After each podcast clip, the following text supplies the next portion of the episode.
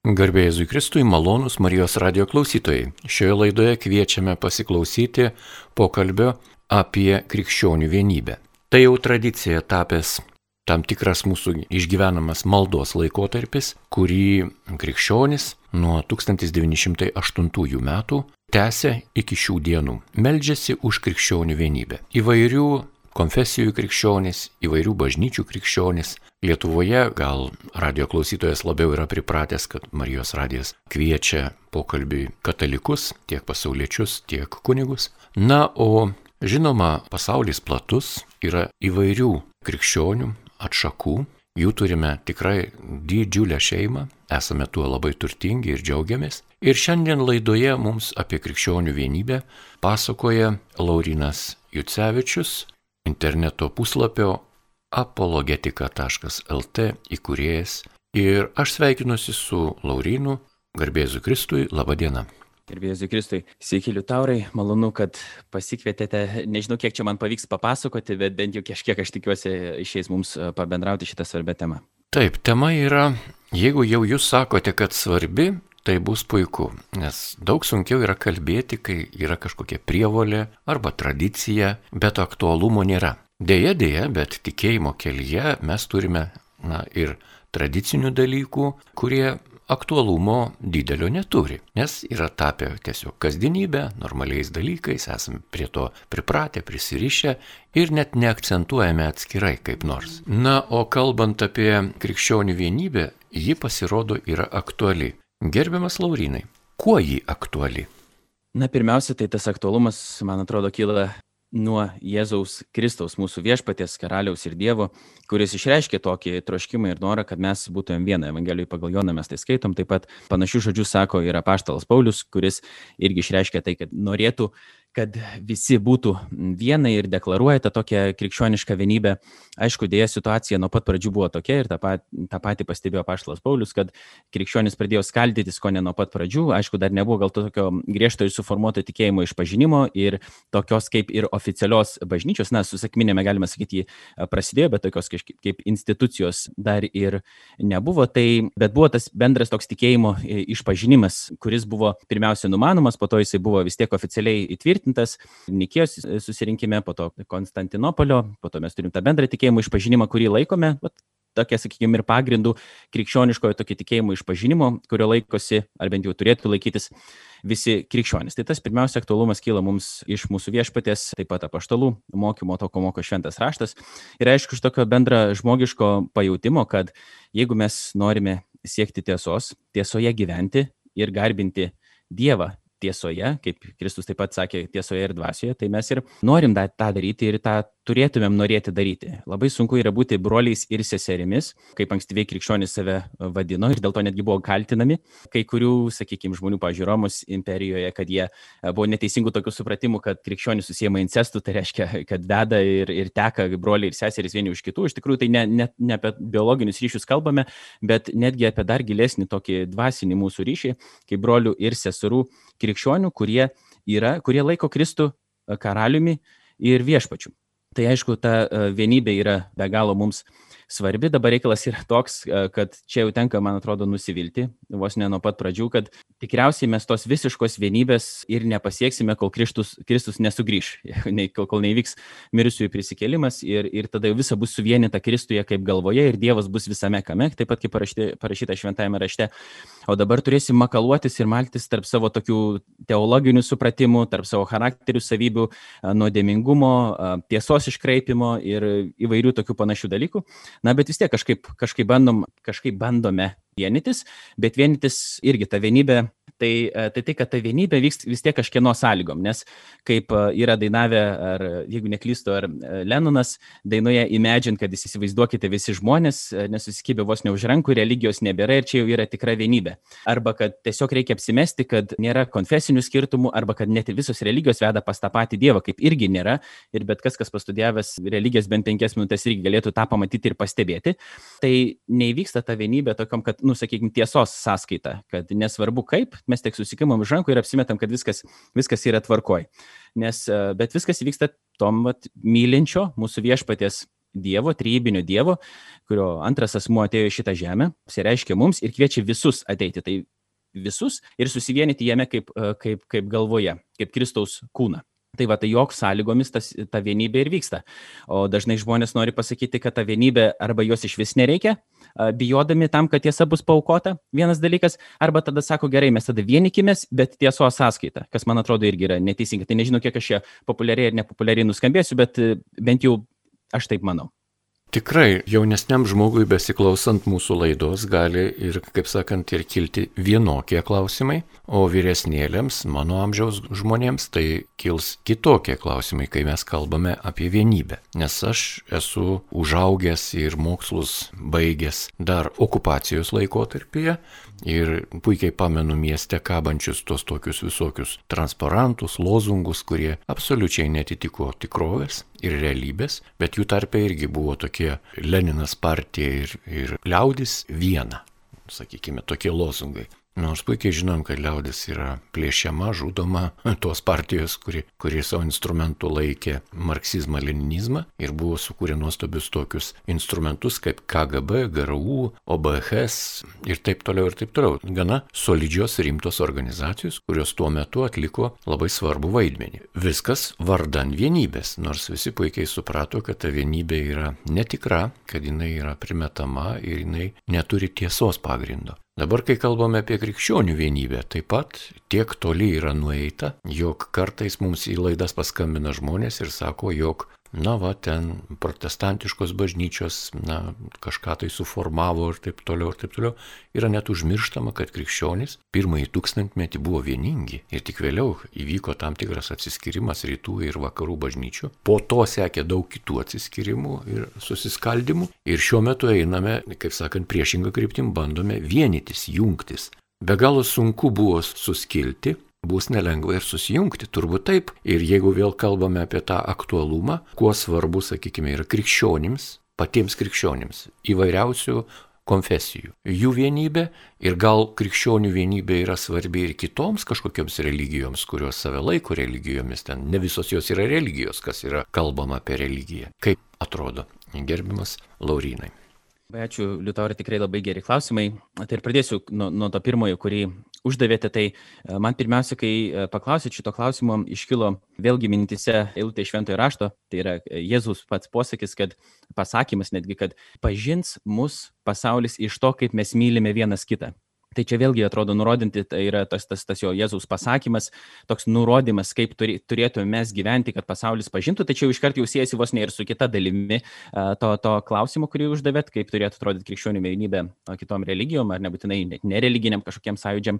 Bet pirmiausia, kaip Kristus mums pasako, kad iš mūsų kaip mes mylime vienas kitą, iš to pažins, kad mes esame jo mokiniai, tai čia jau ir matom tą tokį e, vienybės svarbą. Dabar vėlgi, man atrodo, labai svarbu yra grįžti prie tos tokios vienybės definicijos ir sampratos, nes kai žmonės girdi vienybę arba sako meilę, dabar yra labai populiaru. Tai tokiais e, iškreiptos tolerancijos arba naujosios tolerancijos laikais, kaip e, sako Dėjai Karsonas, kad ta naujoji tolerancija yra reiškinti, kad jeigu tu nori kitą mylėti, arba jeigu nori turėti vienybę, reiškia, tu turi sutikti absoliučiai su viskuo, ką kitas sako, galvoja, kaip jis elgesi ir panašiai. Ir jeigu tu pasakai, kad taip negalima, arba nesutinki, reiškia, tu esi nemylintis. Ir jokių būdų mes ne apie tai kalbam, nes vėlgi mes grįžtam prie tų vienybės sąlygų. Vienybės mūsų sąlyga yra padiktuota Kristaus ir pats Kristus yra mūsų vienybės sąlyga.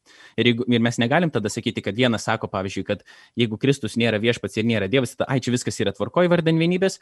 Ir mes matom, čia bažnyčioje buvo ketvirtam amžiuje klausimai iškilę dėl e, arionizmo problemos, kaip pas, buvo pasakyta, ne taip negali būti. Buvo arijų leista, sakykime, pasisakyti, jo delegacija atvyko į susitikimą ir panašiai, bet, bet tai buvo ne ortodoksija, tai reiškia ne tas grinasis tikrasis istorinis tikėjimas, bet tai buvo kažkokia naujovė ir jau tokiom sąlygom, sakykime, vardan išlaikyti vienybės, jau buvo viskupai nepasiruošę šito daryti ankstyviai krikščionis. Ir aišku, sveikintinai taip, bet ar tai reiškia, kad jie tada nemylėjo arijaus, ar nemylėjo jo pasiekėjo, ar dar kur nors, tai tikrai ne. Nes tiesa buvo svarbi, bet bet ir tebėra jinai svarbi, bet mums svarbu yra ta, jeigu vyksta, sakykime, ta tiesos ieškojimas, tiesos pažinimas, tai visa tai turi vykti meilėje, nes mes ir žinom, kad Paulius atsiskyrė su vienu iš savo kelionės partnerių irgi vyko kažkoks konfliktas, tai gal nebūtų labai, apaštalas Paulius turiu omeny, nebūtų kažkoks pavyzdinis būtent momentas mums, bet mes matome irgi, ar ne, kad buvo tokių tam tikrų įtampų. Nepaisant to, koks dabar yra svarbus momentas, kad Jėzus, kai jisai susirinko savo mokinių būrį, pirmiausia, tų artimiausių 12 mokinių, apaštalų būrį, tai ten buvo žmonių įvairiausių. Buvo ir zelotų, tas Simonas Olusis, buvo mokesčių rinkėjas, buvo žvėjai ir jie buvo iš skirtingų klasių, skirtingų rangų ir jeigu šiaip visuomenėje jiems būtų neįmanoma sugyventi buvę, jie buvo priešai didžiausiai, ypatingai mokesčių rinkėjai, sakykim, kurie buvo laikyti parsidavę Romos imperijai ir tada, sakykim, vietiniai žydai, kurie nenorėjo, sakykim, turėti nieko bendro su Romos imperija. Bet Jėzus sako, va dabar jūs iš tokių skirtingų situacijų turėsit būti viena, turėsit mylėti vienas kitą. Ir tikrai ten buvo pilna problemų, bet jie sekė Jėzumi kaip tiesa ir jo sąlygomis jie jungėsi plovė viens kitam kojas, guldė, sakykime, viens už kitą, gal, nu bent jau norėjo, aišku, visi pabėgo, kai, kai, kai Jėzus buvo kryžiuojamas, bet jau čia ta pati, sakykime, tokia pradžia. Tai kad mes meilėje, sakydami tiesą ir kartu tiesos ieškodami, pripažindami savo, nuolon, pripažindami savo ribas, kad mes ne viską puikiausiai suprantam, remdamėsi ir tradicinių bažnyčios mokesčių, bet pirmiausia Jėzumi Kristui ir šventojo raštu, mes bandom tą tokią rasti tiesą ir ją išlaikyti meilėje, pripažindami savo ribas. Ir tai turėtų dabar atsakant jau antrąjį klausimą, liudyti pasauliui, kitoms religijoms ar net nereliginiams judėjimams ar sekularizmui, kad va štai šitie žmonės, kaip sako vienas teologas Entiraitas, kuris yra anglikonas, jis sako, kad krikščionis turi, aš dabar versiu taip jau grubiai iš anglų kalbos, turi mokėti įrodyti pavyzdį, kaip daryti visuomenę, kaip veikti visuomenę, kaip turėti tokią visuomenę, kuri būtų pavyzdinė. Ir ten bus gal problemų, bet mes turime liudyti savo gyvenimu, kaip yra įmanoma turėti tam tikrą vienybę, net kai kur nesutinkant, bet tai kaip sugebėti gyventi meilėje, neaukojant tiesos, bet ir neaukojant meilės ir tuos du abu, abu dalykus laikant labai stipriai kartu. Tikrai įdomu yra jūsų klausytis, gerbiamas Laurinai, kaip jūs vystote šią temą. Mėlyms radio klausytojams primenu, jog šiandien kalbame apie krikščionių vienybę ir nebereikalo, neatsitiktinai, o tai yra ir proginė laida, skirta 2021 m. pradžioje, minint krikščionių vienybę ir savaitė skirta nuo sausio 18 iki sausio 25 dienos yra ekumeninės pamaldos, imamos už pagrindą, neprisirišama prie kokios nors vienos krikščioniškos bendruomenės patirties, ritualo ar normų, bet tiesiog ekumeniškai žiūrima į tai ir melžiamasi už krikščionių vienybę. Taigi šioje laidoje dalyvauja apologetika.lt portalo įkūrėjas Laurinas Jucevičius, įkalbina Liutauras Serapinas. Ir tęsiant kalbą apie krikščionių vienybę, na man kažkaip ypatingai šiuo metu suskambėjo jūsų įkurto portalo pavadinimas - apologetika. Žvilgterėjau į tarptautinių žodžių žodyną, į kitus žodynus, ką tai reiškia. Graikiškai graikiškas terminas apologetikos, tai yra ginantis. Reiškia teologijos skyrius, ginantis tikybos tiesas. Kita reikšmė praktinė yra šališkas, neobjektivus, ko nors gynimas arba garbinimas. Kodėl pasirinkote savo tokį terminą? Jeigu teisingai išgirdau, jūs tikriausiai citavote iš lietuvių žodynas.lt ar kažkas tokio panašaus. Visiškai teisingai, taip su ta antraja reikšmė, aš nežinau, kas ją parašė, bet aš absoliučiai nesutinku. Ir gal tas, tas žmogus, kuris rašė, tai jisai yra šališkas ir neobjektivus šitoje situacijoje. Tai iš principo apologetika tai yra senovinė, kaip jūs minėjote, krikščioniškos teologijos šaka, kuri yra skirta pagrysti intelektualiai krikščioniškajam tikėjimui. Ir jeigu kažkas galvo, kad tai yra neįmanoma, tai yra ne tik, kad įmanoma, aišku, kažkokiu laipsniu, kiek, kiek tai leidžia mūsų, sakykime, galimybės ir Dievo prieškimas, bet taip pat mums yra tai ir būtina. Ir viena tokių kertinių eilučių, iš kur mes gauname šitą pavadinimą, tai apologetika yra greikiško žodžio lietuviška transliteracija ir mes skaitome pirmame Petro laiške trečiam skyriui 15 eilutį, kad visuomet būkite pasirengę duoti įtikinamą atsakymą tiems, kurie klausia apie mise gyvenančią viltį, bet darykite tai pagarbiai, romiai ir išlaikydami tyrą sąžinę, kad tie, kurie klausia apie viltį gyvenančią mise, būtų sugėdinti. Tie, kurie šmeižia jūsų gerus darbus, Kristuje, tie būtų sugėdinti. Va čia tokia parafrazė. Tai duoti atsakymą arba įtikinamai atsakyti, priklausomai nuo vertimo, tai čia yra verčiamas ta žodis apologija, atsakymas. Tai aš net savo šunį, nu, ne tik aš, mes su savo žmona savo šunį apologiją pavadinom, būtent dėl šitos api, sutrumpintai dėl, dėl šito žodžio. Ar ne per tai, daug šuneliui? Tai jisai nesupranta, viskas gerai, jam, jam valgė duok ir viskas gerai. Tai va, o šiaip pats tas žodis, jisai buvo vartojamas vartojamas pirmiausia ir pasirodė e, teisminėme kontekste, tai čia nėra vien krikščioniškas žodis, bet, pavyzdžiui, kai yra tokia knygelė, e, nu, ne, negražu tai vadinti knygelė, knyga, veikalas Sokrato apologija, Platono parašytas ten, kur, kur Sokratas ginasi paskutinę savo jo kalbą prieš mirtį, tai apologija, tai tas ir yra arba apologija, tai yra tas apsiginamoji kalba. Ir tą darė pirmieji krikščionys nuo pat pradžių, aš būtų galima pagrysti, bet čia jau, kaip matot, nueinam į tą lauką, kuris, dėl kurio aš tikrai taip pat aistringai, sakykime, jau pradedu kalbėti, bet jeigu kam yra įdomu, galite atrasti daug informacijos apologetika.lt tinklapyje, taip pat bernardinai.lt, kur bandau viską išdėstyti, kodėl apologetika yra svarbi, kas jinai yra ir panašiai, bet ir šventajame rašte mes matom, kad Jėzus tam tikrą prasme apaštalai, vėliau ankstyviai krikščionis stipriai to užsėmė, po to tai buvo toks tarsi apmiręs mokslas, tai reiškia bandė pagrysti, ne tik pristatyti tikėjimo tiesas, bet ir jas pagrysti bei atsakyti į įvairius prieštaravimus. Ir dabar, atrodo, tai yra vėl nuo 20 amžiaus vidurio atgimsta apologetika tokia tiesioginė, labai tokia, nu, sakykime, kai kurių teologų, filosofų, krikščionių dėka. Ir ir kuri buvo, aišku, taip pat viduriniais amžiais įvairių katalikų filosofų ir, ir teologų vystoma, ypatingai Tomo Akviniečio, bet um, jinai atgimsta ir jos tikslas yra pagrysti krikščionišką įtikėjimą, kaip maniau, ir pirmiausia, atsakyti jai metamus prieštaravimus. Ir dabar čia šita vieta labai stipriai siejasi ir su krikščionių vienybė, bet aš nežinau, ar man uh, reikėtų ir toliau tęsti čia, ar jūs kažkokį dabar irgi užduosit kokį mintį ar klausimą, gal aš kažkur per daug įbėgiau, nuskubėjau. Ne, tikrai nenuskubėjote, yra malonu ir įdomu jūsų klausytis, jo labiau, kad tikrai kalbame apie labai aktualią krikščionių gyvenimo, aš net nežinau kaip įvardinti tą fenomeną, kodėl krikščionys yra suskilę, kaip jie tą galėjo. Faktiškai to neturėjo būti, to negalėjo būti, tai negalėjo įvykti, bet tai yra. Nes mes iš teologijos, iš katekizmo, iš Biblijos mes žinom, kad tas, kas yra pasidalinęs, taip, mes žinom, kas tai yra pasidalinęs, taip.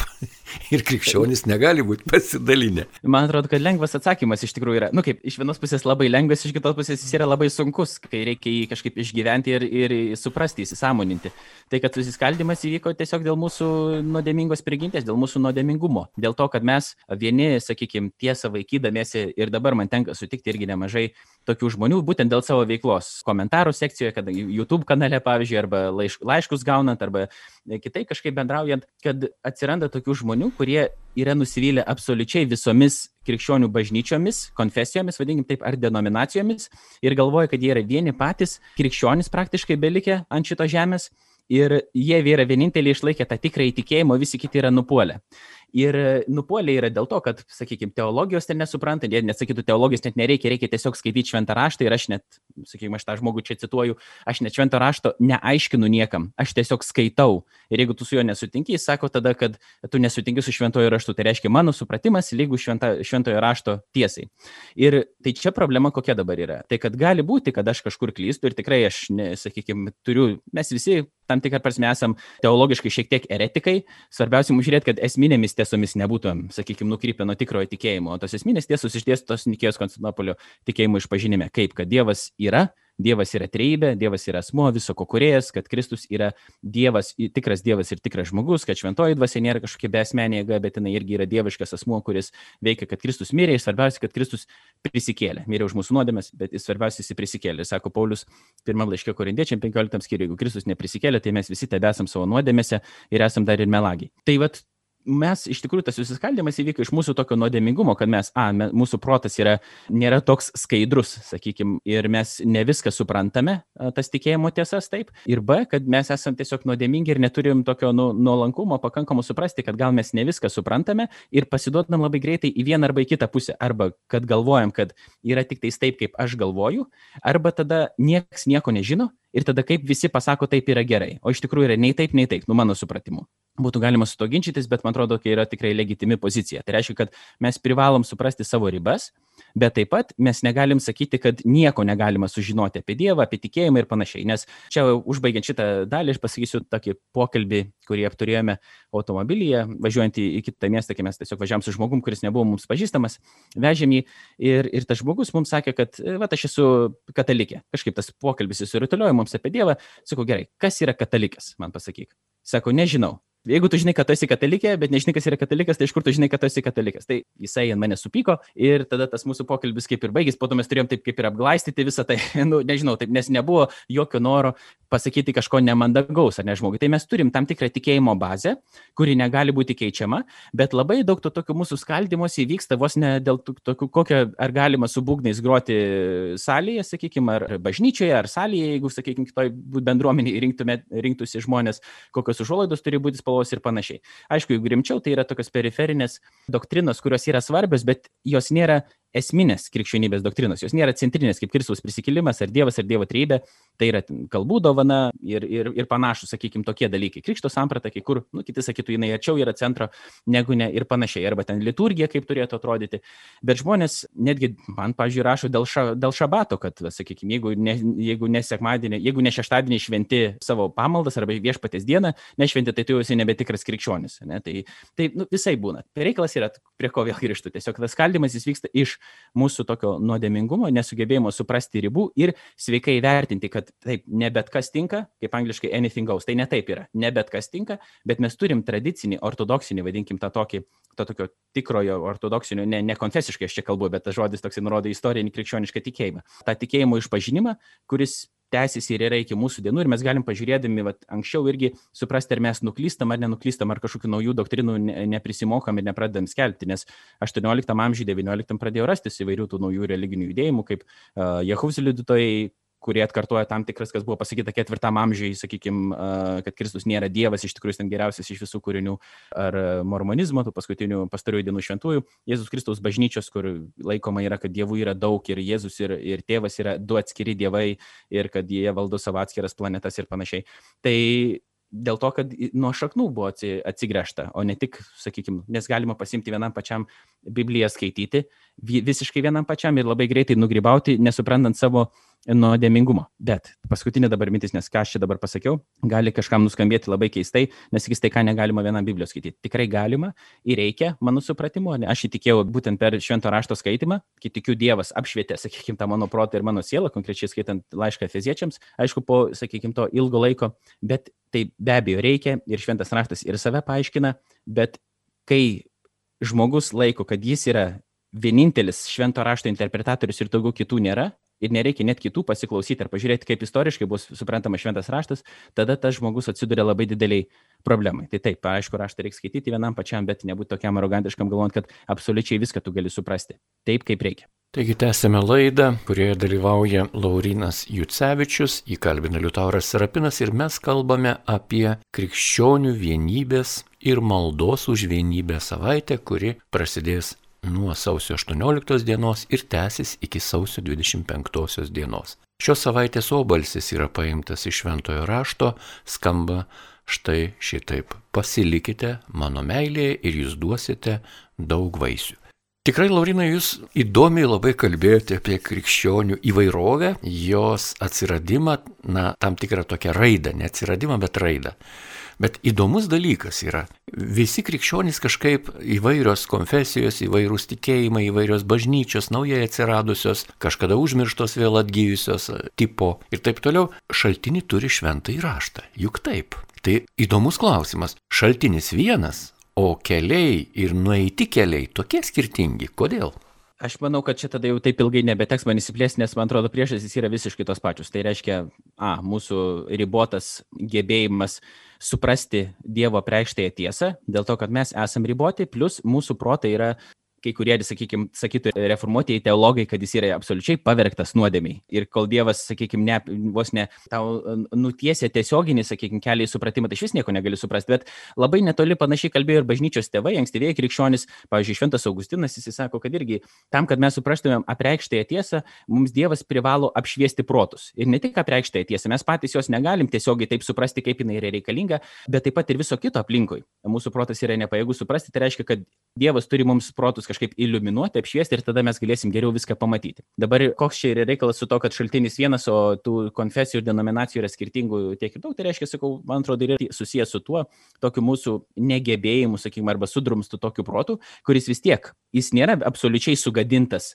taip, kad mes nieko negalim suprasti, nes Dievas yra mums da, mes, mes Dievą atspindime savo intelekto gebėjimus, kuris yra tobulas intelektas, o mes turime tą tokią kaip, nu, tiesiog atspindi viso to, nors jis yra sudrumstas, tai reiškia, mes kažką galime suprasti apie Dievą, vien prigimtiniu protu remdamės, žiūrėdami į į pasaulį, bet aišku, vis tiek Dievas turi mums tos protus apšviesti.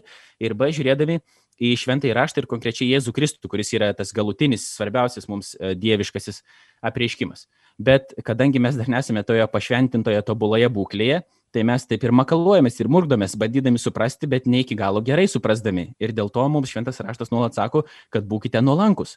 Ir Jėzus plaka fariziejus, kurie turėjo būti rašto aiškintojai, buvo rašto aiškintojai, ir sako, jums buvo paskelbta, bet jūs nesupratote, ir jūs argi ne todėl klystate, kad iškreipėte šventą raštą, tiksliau, iškreipėte raštus savo pasmerkimui.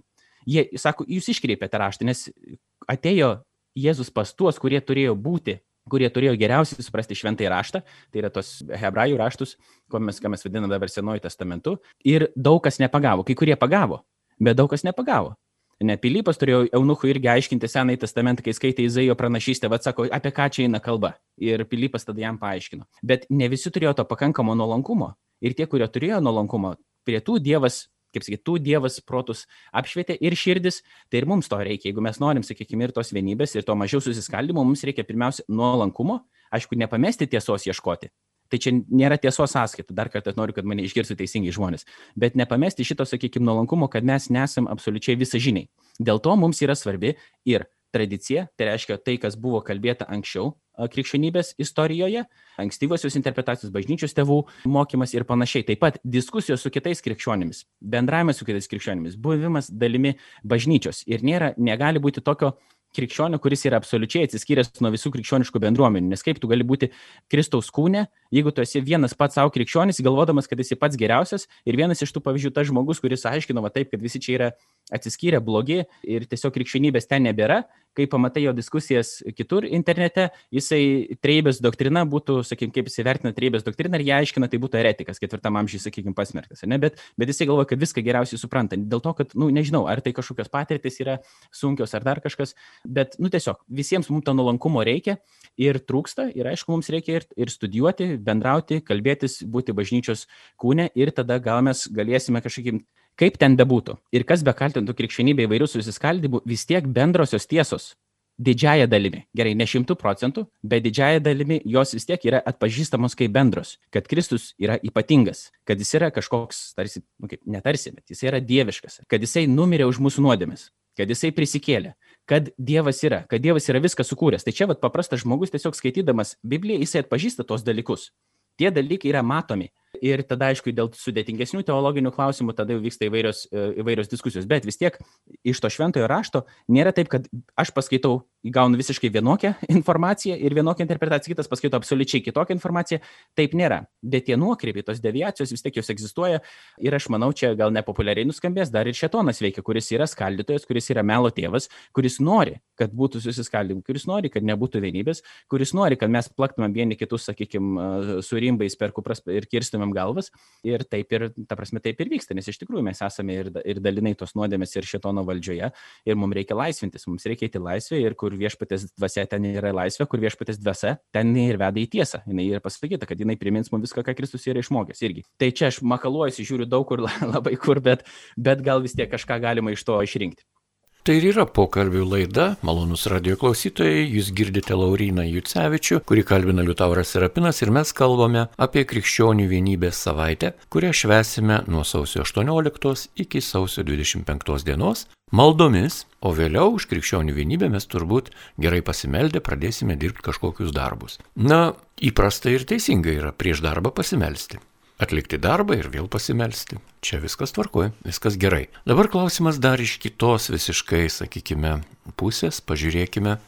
Krikščionys šiuo metu turi konfliktą su įvairiai krikščionius vertinančiais asmenimis, kurie turi savo religinius įsitikinimus, kuriuos krikščionys gerbė. Tų įsitikinimų autorių nežudo, nesprogdina, nenuodija. Bet kaip jums atrodo, na, tos visos radikalios religinės jėgos, kurios nėra krikščioniškos, kaip jos žiūri į krikščionių pastangas vienytis, jungtis, melstis už vienybę, kaip jums atrodo? O čia yra labai iš tikrųjų sunkus klausimas, nes reikėtų tam tikros apklausos ar, ar kažkokio didesnio sąlyčio, kad būtų galima pasakyti, bet galima gal kažkaip kitų kampų pabandyti šitą klausimą sureaguoti, kas vis tiek būtų dar prasminga. Ne, kad, tai pirmiausia, būtų galima pradėti nuo to, kad religijos toli gražu nėra ta pačios, jos tikrai nemoko to paties. Ir kaip minėjau, čia galim paimti tiesiog, vat, ką jūs tikriausiai ir turėjote omenyje, tai islamą, sakykime, ir krikščionybė. Ne, kad islamas, netgi Koranas, šventraštis musulmoniškas, taip vadinamas, jisai polemizuoja kokiais su esminiais krikščionybės įstikinimais. Tai reiškia, Korane pasakyta, kad Dievas neturi sunaus, o mes laikom Jėzų Dievo sunumi. Ne ką tas reiškia, tai čia mes turime klausti. Aišku, Koranas tai supranta, kad tai yra fizinis sunus, tam tikras Dievo ir Marijos, ką visiškai krikščionis gyvenime taip nesakė ir, ir nesakys. Po to, kad tai reiškia, kad Dievas neturi sunaus, po to Dievas nėra trejybė, irgi Korane yra parašyta. Taip pat Alachas, pavyzdžiui, nėra visa mylintis, jis myli tik tais tuos, kurie elgesi teisingai musulmonai. Tai mes čia turime jau tam tikrą vat, esminę ne, ir Kristus neprisikėlė, taip pat ir nenumirė netgi pagal Koraną. Tai visos esminiai krikščionybės įstikinimai yra paneigiami islamo, musulmoniško mokymo. Ir čia galėtumėm sakyti, nu gerai, viskas yra tvarkoj, galima, sakykime, neikti ir teikti, bet nereikia apsimesti, kad tada visi sako vieną ir tą patį dalyką. Net tas, kuris sako, kad visos religijos veda pas tą patį Dievą, nesutinka su tuo, kas sako, kad kai kurios religijos veda pas Dievą arba viena religija veda pas Dievą. Tai nėra, jeigu tu nori ką nors pasakyti, bet ką yra absoliučiai teikti ką nors, yra neįmanoma išvengti tiesos teiginio. O dabar bandoma yra pasakyti, kad krikščionys, jie čia yra kažkokie nemalonus, nebandagus, neinkluzyvus, yra ekskluzyvus, nepriima žmonių, dėl to mums, sakykime, juos, jų reikia atsisakyti kažkaip ar nustumti į parašės, neleisti jiem kalbėti, nes iš tikrųjų vat, įvyks tikra tada vienybė. Ir kas yra nepastebima, kad bet kas, kas nori ką nors teikti, kaip minėjau, tas reiškia nesutinka su kažkuo, kas sako priešingai arba nesutinka su to teiginiu ir sako tiesos teiginiu. Tiesa yra ekskluzivi. Dabar mes tikim, kad Jėzus Kristus yra tiesa, kelias ir gyvenimas. Ir kaip minėjau, tai vėlgi, ta vienybė yra įmanoma ne kokio nors žmogaus sąlygoms, kaip mes sakysim dabar, aš taip sugalvoju arba aš taip sugalvoju, kokia nors politinė ideologija ar dar kažkas, bet Jėzaus Kristaus sąlygoms, kuris yra tiesa, kelias ir gyvenimas. Tik pat reikalas yra tas, kad Jėzus skirtingai negu mes visi, jis yra ir meilė ir tiesa, nes Dievas yra meilė, taip pat yra parašyta. Ne, Dievas yra trejybė ir jisai turi amžiną santyki, dėl to jisai gali būti pats meilė, ne tik mylėti ir čia vėlgi yra esminis krikščionybės išskirtinumas. Tai aš manau, kad, pavyzdžiui, tokia religinė sistema kaip, kaip islamas, kuri net nėra tokia kaip krikščionybė, nes jinai yra taip pat ir politinė, ideologinė sistema. Ne taip, čia, čia nėra, tai nėra to lygus, sakykime, kad viena religinė sistema kitai religinė sistemai. Budizmas, pavyzdžiui, iš vis nepripažįsta Dievo kaip kurėjo, kad Dievas tenais egzistuoja. Tai skirtumai yra tikrai ženklus ir priklausytų nuo tos religinės sistemos ir jos pasiekėjų, kaip jie vertintų, sakykime, kad krikščionis nori vienytis. Aš manau, kad radikaliems nu, tas rodys radikalas, kaip čia dabar labai taip keistai skamba, ne, pavyzdžiui, Erdoganas, man atrodo, yra pasakęs, kad nėra radikalaus islamo, yra tik islamas. tai reiškia, bet e, nesenai man teko klausyti tokią paskaitą irgi apie, sakykime, tą tokią musulmonų ekstremistus Vilniaus universitete ir ten buvo tokių įdomių išvalgų pasakyta, nu, sakykime, bet yra ta tokia ženkli grupė pakankamai, nors ir nėra jinai procentiškai super didelė, bet jinai yra, sakykime, įtakinga tokia ekstremistų, kuriem nepatiktų, kad krikščionys vienijasi, nes e, visas pasaulis turėtų būti po šaryje, sakykime, ir tai reiškia, kad nu, reiškia mūsų islamo sąlygomis, Mohameto mokymo sąlygomis, su kuriuo krikščionys nesutiktų. Sakytų, kad, nu, atsiprašom, kad ir yra nors ir taip nemalonu sakyti, bet mes nesutinkame su šituo mokymu. Mohamedas, neaišku, jisai gavo tas, jisai sako, kad gavo tas vizijas urve, ar ne, bet mes nesutinkam, kad jisai gavo. Ką mes žinom, kas tenais buvo. Ne? Tomas Akvinėtis taip pat uh, apie Mohamedą sako, kad apie jo, sakykim, religiją, kad, nu, jinai, nu, tokių aštrių žodžių turi kokių pasakyti. Bet ar tai reiškia, kad aš dabar nemyliu musulmonų, jeigu aš taip kalbu? Toli gražu ne. Aš esu bendravęs su musulmonais tiek vienam universitete, kur teko dirbti, tiek, e, sakykime, netgi ir misijose, kai kuriuose. Ir galima kalbėti apie tos dalykus ir nesutikti, diskutuoti, bet negalim sakyti, kad ir tas, ir tas yra teisinga. Tai nereiškia, jeigu aš nesutinku ir diskutuoju, tada, kad aš, kad aš nemyliu to kito žmogaus.